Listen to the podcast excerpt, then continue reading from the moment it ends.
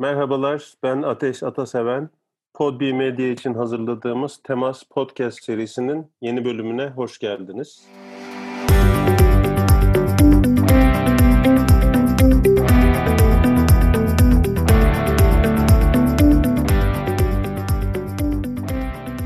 Bu bölümde konuğum sevgili Ahmet Er Yılmaz. Abi hoş geldin. Selam. Nasılsın? Ay ne bileyim ya. Şimdi ben bütün bu podcast serisinin başlangıcından beri e, neden böyle bir seri yaptığımızı, nasıl bir amaçla yaptığımızı anlatıyorum hep. Adını da temas koyduğumuz bu podcast serisinin aslına bakarsan değişimle alakalı bir anlamı var bizim için. Fakat çok detaylı açıklama yapmayacağım. Geçmiş bölümlerde yaptığım için eski bölümleri dinleyenler zaten ulaşabilecekler.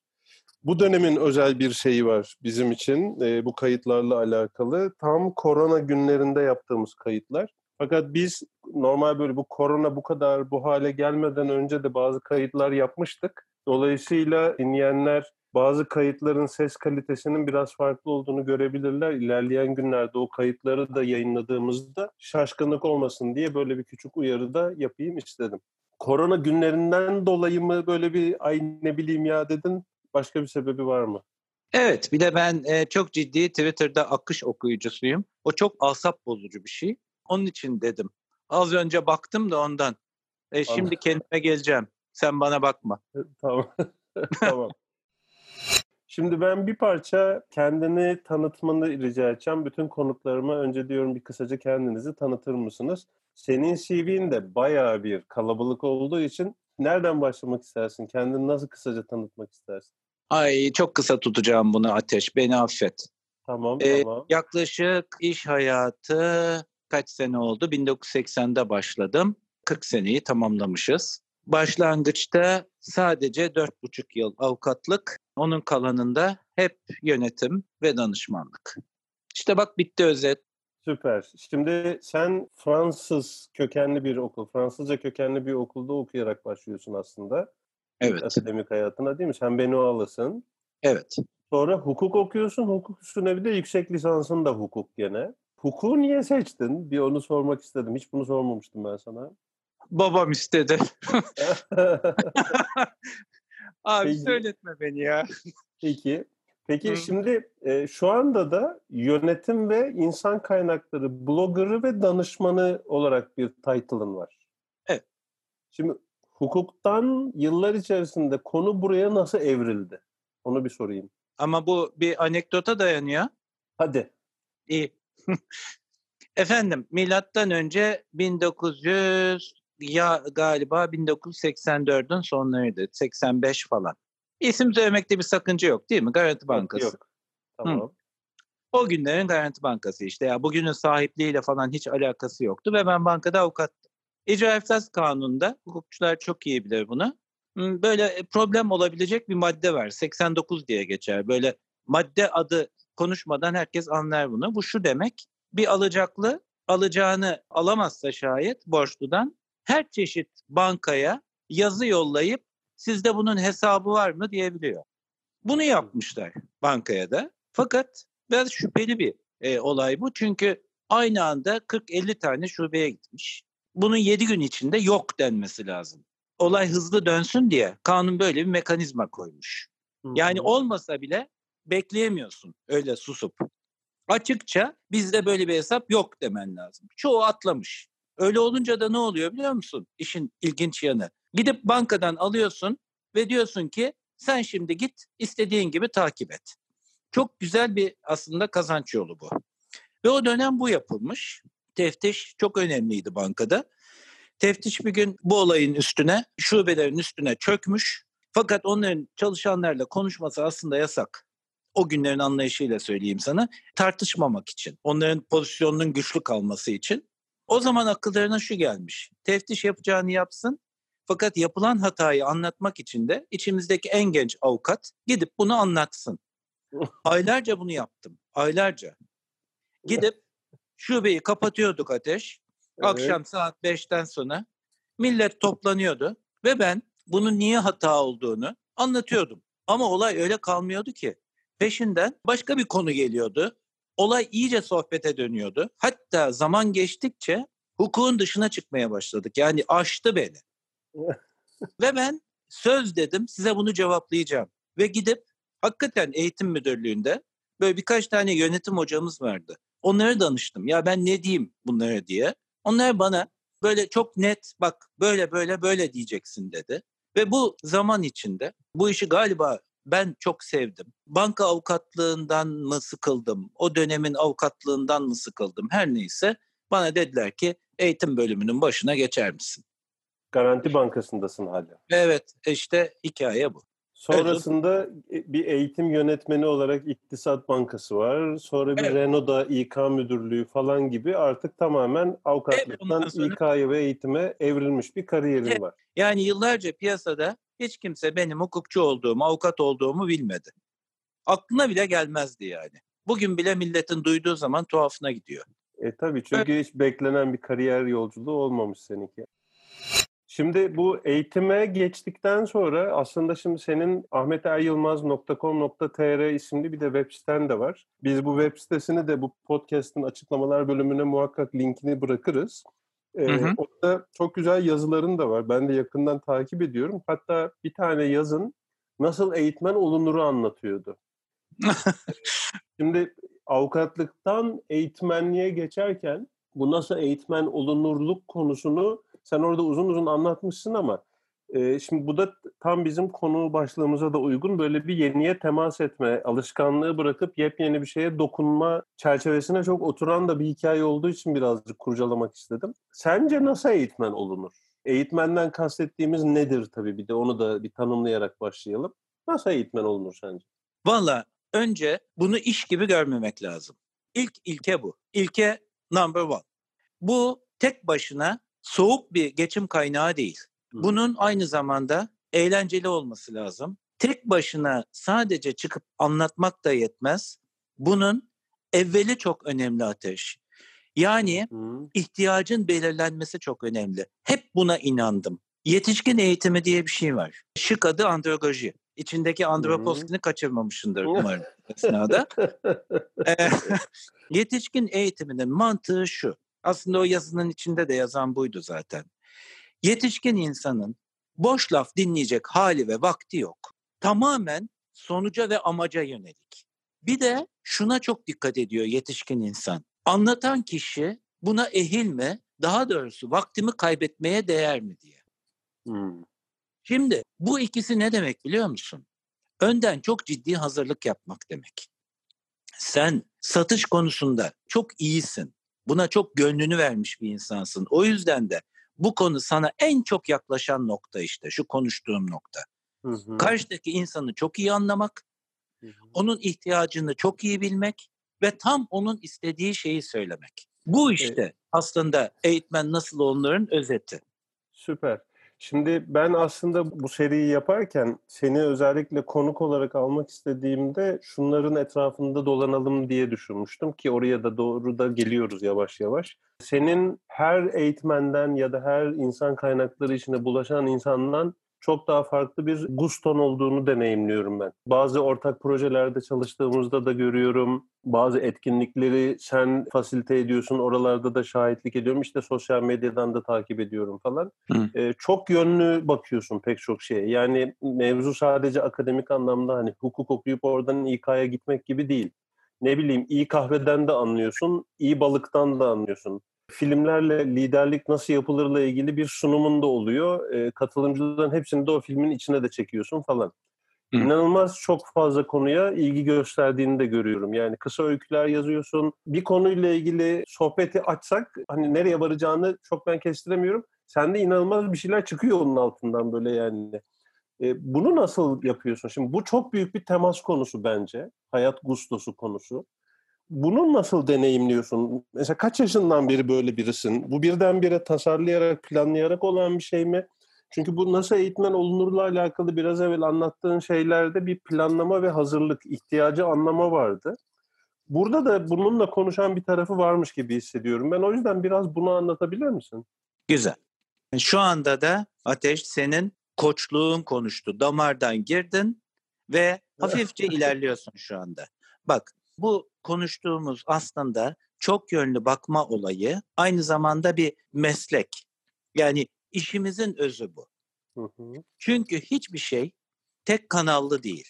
Ben bunu bir noktada başlatmadım. Galiba bu bir bütünlük içinde bu noktaya geldi.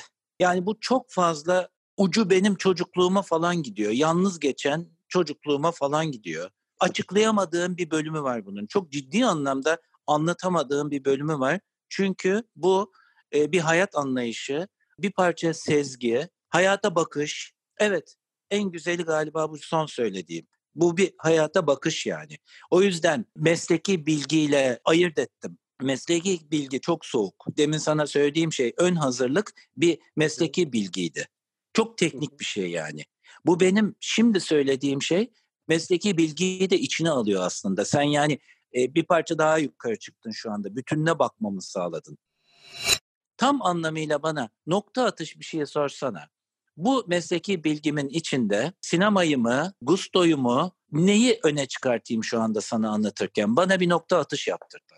Vallahi aslında hepsini demek istiyorum ama şimdi benim en çok birlikte yaptığımız projelerde de gördüğüm sen bu filmlerle liderlik konusunda çok farklı bir şey aktarıyorsun insanlara. O tarafı çıkartabiliriz ama ana konu gusto olsun gene. Oraya da dönelim muhakkak. Tamam. Onu sen tut. Gusto'yu tamam. sen tut. Hatırlat bana. Fakat şu filmle demin söylediğim hayata bakış açısını sana şu anda eşleştirmeye çalışacağım. Bak şimdi iki tane hashtag çok öne çıkıyor bu film konusunda. Bunlardan bir tanesi farkındalık. Her bir haltı fark etmek hayatta. Bir tanesi de devamlı bir şekilde yeni bilgi. Bilgi demedim. Devamlı yeni bilgi dedim.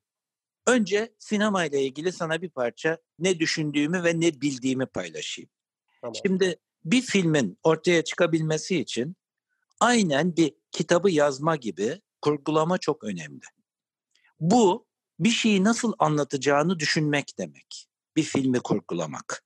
Şimdi çok farkında bir gözle, çok bilinçli bir gözle baktığın zaman bir filmde ne yakalıyorsun biliyor musun? Yönetmenin veyahut da senaristin çünkü ikisi birbirleriyle çok bağlantılı. Bazen de çoğu kez de aynı kişi zaten çok anlamlı bir şekilde. Onun nasıl baktığını yakalıyorsun. Bunu yakaladığın zaman bunu başkasına anlatmak çok zevkli. Çünkü o zaman onun peşine sen de takılmış oluyorsun. Bu bir film eleştirmenliğinin dibi benim için. Hı hı. Dinleyen kişi hayatında hiç bu gözle bakmayan bir kişi bir filme başka bir gözle bakmaya başlıyor. Gerçek anlamda bence filmden keyif almak bu. Bunun ucu aslında şu anda çaktırmadan Gusto'ya da gidecek. Farkındalık ve yeni bilgi dedim sana. Herhangi bir şeyi tattığın zaman yavaşça onunla ilgili bütün yaptığım bu ya vallahi başka bir şey değil ve nefret gurmelik de değil yani benim söylediğim şey. Onun tadını almaya çalışıyorsun. Tadı almak için dikkatini topluyorsun. Herhangi bir şekilde o anda mümkünse başka bir şeyle ilgilenmemem lazım. Beni kimsenin meşgul etmemesi lazım. O tadı aldıktan sonra bir şey dikkatini çekiyor ve onun ne olduğunu bilmiyorsun. İşte o noktada hep ne olduğunu anlamaya çalıştığında durmadan yeni bilgi geliyor. Ve sonunda ne oluyor biliyor musun? O kadar çok etrafında bununla ilgilenmeyen insan olduğu zaman insanlar bir şey bildiğini zannediyor. Ama aslında sen ciddi anlamda tek yaptığın şey yani orada tadı yakalayıp onun hakkında bilgi edinmek. Sinemayla eşleştirdim bunu Hemen hemen aynı mantık işte. Şimdi böyle yapınca da o film hakkında böyle düşünüp o kişiyi anlayıp hatta bir yönetmenin geçmişinde ne yaptığı hakkında bir parça bilgi topladığında çocukluğu falan dahil. Hı-hı. Mini çapta psikanaliz yani. O zaman ne oluyor biliyor musun? Başka bir film haline geliyor. Benim tamamen yaptığım bu işte. Katiyen bir sahneyi seçip de bakın insanlar ne yapmış işte bu sizin için eğitimde bu bilgi lazım demek değil. En hoşuma giden şey şu. Bazen dinleyenlerin içinde böyle çok keyifli seanslarda falan böyle bir eğitimde falan Hı. o kadar konuyu seven bir kişi çıkıyor ki o anda kaptırmış ve ne dediğimi anlayan bambaşka bir açıdan bana bir şey söylüyor. Ya bundan daha büyük bir kazanç olamaz. Hem benim yeniden düşünmemi sağlıyor. Hem kendi mükemmel anlıyor. Bu işte yani aslında bir know-how falan değil. Mindset kelimesini nasıl tercüme edersin? Tam olarak tercüme edemiyoruz böyle şeyleri ama bir bakış açısı diyebiliriz belki. Birkaç yerde zihniyet dedim ama e, çok eski kaldı. Ama e, bu işte. E, o evet. onu yakalamak demek sınıfa tıktığın zaman bir yığın insanı aslında gerçek bir şey anlatamıyorsun ki. O kadar soyut kalıyor ki gidip onlara canlı bir şey göstermek lazım. Böyle bir şey mümkün değil. Bunu sinema yapıyor işte. Ama bunun için de düşündürtmek lazım. Gusto'ya da çok güzel bir pas oldu. Şöyle ki senin çok sevdiğin bir başka konu daha az evvel de söyledin aslında bu hani mindset ya da zihniyet ya da bakış açısı, zihin yapısı neyse duygusal zihin konusunu da çok seviyorsun sen. Orada da e, hatta birkaç kere alıntıladın da bu Daniel Goleman'ın 1995 yılında kaleme aldığı Duygusal Zeka kitabından da bayağı alıntılar da yapıyorsun. Hı hı. Kurumsal hayatta da duygu hatta kurumsal hayatta değil belki de hayatın her yerinde de duygusal zeka bizim için kritik bir konu. Ee, ben tarif ettiğin şeylerin o hani bakış açısı ya da zihniyetin bu duygusal zihniyet ya da duygusal zihni iyi kullanmakla konuştuğunu çok hissettim seni dinlerken. Buradan da Gusto'ya şöyle bağlamaya çalışacağım. Hani Gusto'yu tutma görevi bendeydi ya o yüzden şimdi bağlıyorum bunu. Sen duygusal zihni nasıl tanımlıyor ve günlük hayatta nasıl kullanıyorsun? Neden bu kadar önemlidir bu duygusal zihin konusu ki biz bu az evvel tarif ettiğin yeni deneyimleme konusunda çok da bir şey yapmıyormuş gibi görünüp ama bir sürü şey yapar halde olalım. Peki. Çok güzel Ateş. Bak ben bunu ilk defa okuduğumda çıkalı Türkiye'de daha bir sene falan olmuştu. Varlık yayınlarından çıkan bir kitaptı bu. Bilmiyorum şu anda hangi kitap evinden çıkıyor. Goldman'ın kitabının dipnotları sayfanın dibinde değildi. 300'den fazla dipnotu vardı ve onların her bir tanesini numaralandırmış ve kitabın sonuna atmıştı. Kitabın sonunda valla 50-60 sayfa o ilk baskısında dipnotu verdi. Ve ben o dipnotlarını bağımsız... Ayrı bir, bir kitap gibi neredeyse. Yani. Evet. Bunu kaç defa tavsiye ettim. Ya sıkılıyorsanız, sevmiyorsanız okumayın ya ön kısmını. Şunu dipnotlarını okuyun dedim. Bazı dipnotları çünkü 2-3 sayfa falan. Psikolog da olduğu için sallamıyor adam belli bir bilgi paylaşıyor yani. Şimdi şuna geleceğim. Ondan yola çıkıp ben aslında bir üst noktaya çıktım. Yani duygusal zekanın da üstüne çıktım. Ben artık bilişsel ekole çok inanmaya başladım. Bu bir anlayış. Yani bizim aslında zihinsel faaliyetimiz birçok şeyin sebebi ve sonucu. Özellikle de eğitimde. O yüzden de o duygusal zekayla bilişsel faaliyet benim için artık eş anlamlı olmaya başladı. Senin gibi bir gestaltçının buna bir şey katacağına eminim şu anda. Umuyorum katabilirim. Şimdi e, biz bu dediğim gibi açıklamalar kısmına bazı linkler bırakıyoruz. Daniel Goleman'ın Duygusal Zeka kitabının da e, internet ortamındaki satışıyla ilgili o linki de gene bırakırız açıklamalara. E, ben de bir yandan baktım konuşurken sen doğru hatırlıyorsun abi. Varlık yayınlarından çıkmış. Hala Hı. da son baskısını da varlık yayınları yapmış gibi görünüyor. Güzel. Aslına bakarsan bir parça şuraya doğru getirmek istiyorum. Gusto'yu, duygusal zekayı, onun arkasında olup biten pek çok şeyi konuştuğumuz tam bu aşamada. Şimdi biz en başta konuştuk ya, oldukça zorlayıcı bir dönemden geçiyor bütün dünya şu anda. Hı. E, hepimiz evlerimize kapandık. İşte bu kaydı bile teknolojiyi kullanarak uzaktan yapıyoruz. Arada bir sesler düşüyor, ediyor falan filan hani oldukça sosyal ve birbirine dokunarak yaşayan bir canlı olan insanın belki de en zorlandığı dönemlerden biri bu. Hı. Bu kadar hani bu konuya bu duygusal zeka perspektifinden, zihniyet ya da zihin yapısı perspektifinden bakan biri olarak içinde bulunduğumuz bu zorlukla sen nasıl baş ediyorsun? Savunma mekanizmasıyla ateş. Yani bir çeşit mantık iyileştirme yaptım. Yani? Çok kişisele gelecek ama söyleyeceğim. Ama katiyen tavsiye ettiğim şey değil ammana iş bu noktaya gitmesin. Kendi kendime tamam. şöyle dedim. Kaçamayacağım. Kaçmak da istemiyorum. Sıkıldım çünkü. Yeterince önlem alacağım. Bu benim birkaç gün önceki bir tweetimdi zaten. O noktadan sonra değişti zaten. Modum falan değişti. Hmm. Kabul ettim. Ne zaman gelecekse gelecek. Ama geç de olsa gelecek. Bir sınavdan geçecek bedenim. Dayanacağız, dayanamayacağız her ne olacaksa. Ama akıl sağlığımı bozmayacağım dedim. İşin püf noktası bu işte. kendimi hala sağlam tutacağım dedim ve kabul ettim. Galiba bu bir mekanizma. Geçenlerde şöyle bir şey oldu. Üstün Dökmen'in söylediği bir şeyi yazdım. Şöyle demişti. Kaygı çok fazla olduğu zaman artık algı kapanıyor. Kaygıyı kabul etmiyor. O noktaya gelmeden önce kendiniz zaman zaman kendinize teneffüs imkanı sağlayın. Bir mola belirleyin. Ondan sonra istiyorsanız yeniden düşünün ama dinlenin azıcık. Non stop gitmeyin dedi. Galiba benim bu yaptığım da bu ateş. Kaygıya bile mola verin yani. Öyle evet. Mi? Evet. Güzelmiş bu. Peki şey, şimdi biz bu podcast serisinde insanların yeniye nasıl temas ettiğini sorarken şöyle bir şey de konuştuk. Gelen konuklarımla ben hep şöyle bir soruyu da sordum. Yeniye bilinmeyene temas ederken güçlerini nereden alıyorlar? Hı. Kendi iç güçlerini nereden alıyorlar? Sen nereden alıyorsun kendi iç gücünü? Hedonizmden canını yandım. Ah süper. Dünyada yaşamanın, hayatta olmanın zevki. Yani hiç hiçbir kötülük yok bence. Ee, Şevap kadehim var mesela şu anda yanımda. Bitirdiğimiz zaman bir yudum alacağım. Çünkü kendi podcast'imizi kutlayacağım Ateş. Bu Oo, küçük bir örnekti sadece. Peki bu hedoniyi yakalayabilecek anları özellikle kovalıyor, tasarlıyor, bunların peşinden koşuyor musun? Yoksa Evet. olup biten her şeyin içinde onu ayıklamaya mı çalışıyorsun? İlk söylediğin. Bunlar Özellikle plan- tasarlıyorsun.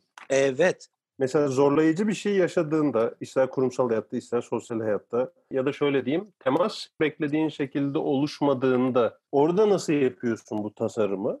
Planla, planlayıp en en sıkıldığım anda deminki Gusto'ya geldik gene. Ha, Ne güzel ya bir bütünlük içinde dönüyor. Hakikaten bak Aynı Aslında şeye şeye de geldik. Eğitmen nasıl olunurun ilk konusuna da geldik. İyi plan, iyi hazırlık. resmen başa döndük. konusuna. Ateş yani en geldiğimiz noktaya geldik Evet. şu anda. Çok zevk aldığım Evet. birkaç şey var mesela. Mesela bunlardan bir tanesi kahve. Çok ciddi anlamda çok iyi anladığım ve çok keyif aldığım bir şey. Çünkü bilgi yüklendim namussuzla ilgili. Ne oluyor biliyor musun? Çok sıkıldığım bir günün sonunda dokunmasın diye de ve daha çok tat alabilmek için de bıkmayayım diye de kendime kota koydum. Az içmek için ve belli miktarda içmek için. En iyisi ama kendi yaptığım tabii. Onu dışarıda bulmak mümkün değil. Ve onun zamanı var. Yarın sabah. Bu senin demin sorduğunun cevabı işte. Böyle çok bunaldığım bir anda al sana küçük bir hedef. Yarın sabah o kahveyi içerken kendine geleceksin oğlum diyorum kendi kendime. Ve o bile bir aslında yaşam bağı. Ee, Ee, küçük hedefler, küçük görselleştirmeler o hedeflere ulaştığında yaşayacaklarını Evet. değil mi? Öyle anlıyorum. Evet. Ve onu arayacak, bulacak gözle olaylara bakmak. Ee, aslında çok küçücük anlardaki o çok küçücük hedonileri de böyle üst üste koyup bir şekilde iyi hissetmeyi seçme hali gibi. Öyle anladım. Tam tamına. Sadece küçük bir hatırlatma yapayım. Bu asla bir kişisel gelişim söylemi değil. Yani o böyle bir şablonu yok. Tamamen yaşamın kendinden menkul. Tek yaptığım şey artık buna da kimse şablon diyemez. O keyif anını planlamak. Kimse bunu şablon haline getirmesin ama kişiye uyarlamak da çok kolay yani. Senin böyle tanımlarla da hep uğraştığını görüyorum. Şeyle kişisel gelişim demiyorsun. Mesela onun yerine bizim de hep kullandığımız kendi en iyi versiyonun onun benzer laflar ediyorsun. Bir de fütürist de demiyorsun değil mi? Ya da fütürist derken böyle hafif uğraşıyorsun sanki o tanımla da.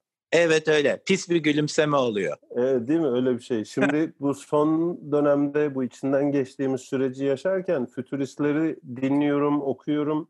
Bazıları inanılmaz kötümser böyle felaket senaryoları. Bazıları ise işin içine böyle bir parça hani zor ama geçtikten sonra olumlu olacak falan gibi laflar da ekliyorlar. İyi şeyler duymayı tercih ettiğim için onlardan daha çok keyif alıyorum doğrusu.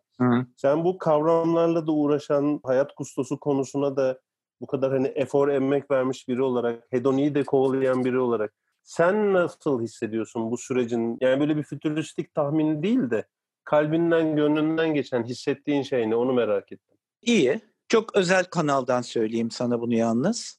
Hı hı. İnsanlık hiçbir şekilde ders almayacak. Çünkü büyük kitlelerin bir zekası yok. Fakat tek tek tane tane bu olaydan çok pişmiş bir şekilde çıkan insanlar olacak. Tek tekler. Bir çeşit hızlandırılmış hayat dersi gibi olacak. Ama bunu dünya çapında genelleyemem. Söylediğinin karşılığı bu bende şu anda. Sence hangi tip insanlar bunu bu şekilde olumlu bir şekilde atlatacaklar? Ateş çok samimi düşüncem şu. Bunun prototipi yok. Hı hı. Asla tahmin edilemez. En ummadığın insanlar diyeyim sana. En beklemediğin insanlar. Umulmadık bir şekilde. E, hatta bunun ucu yalnız bir parça spiritüalizme gidiyor. Onun için deşme konuda fazla. Bu işin yaşı yok. Kimden geleceği belli olmaz. Alakasız bir çocuk da olabilir bu. Hı hı. Hiç okumamış bir insan da olabilir bu. Hiç belli olmuyor. Ve bu işin bilinmezliği çok zevkli. Benim sezgim de konfor alanından çıkıp yeniye temas etme konusunda istekli, hevesli, gönüllü olan herkes için güzel günler olacak gibi. Kişisel anlamda evet. Evet, gene senin dediğine bağlı olarak tabii kişisel hmm. olarak söyledim. Peki, çok keyifli, vallahi daha saatlerce konuşabiliriz ama... Daha ama... karpuz keseciyorduk.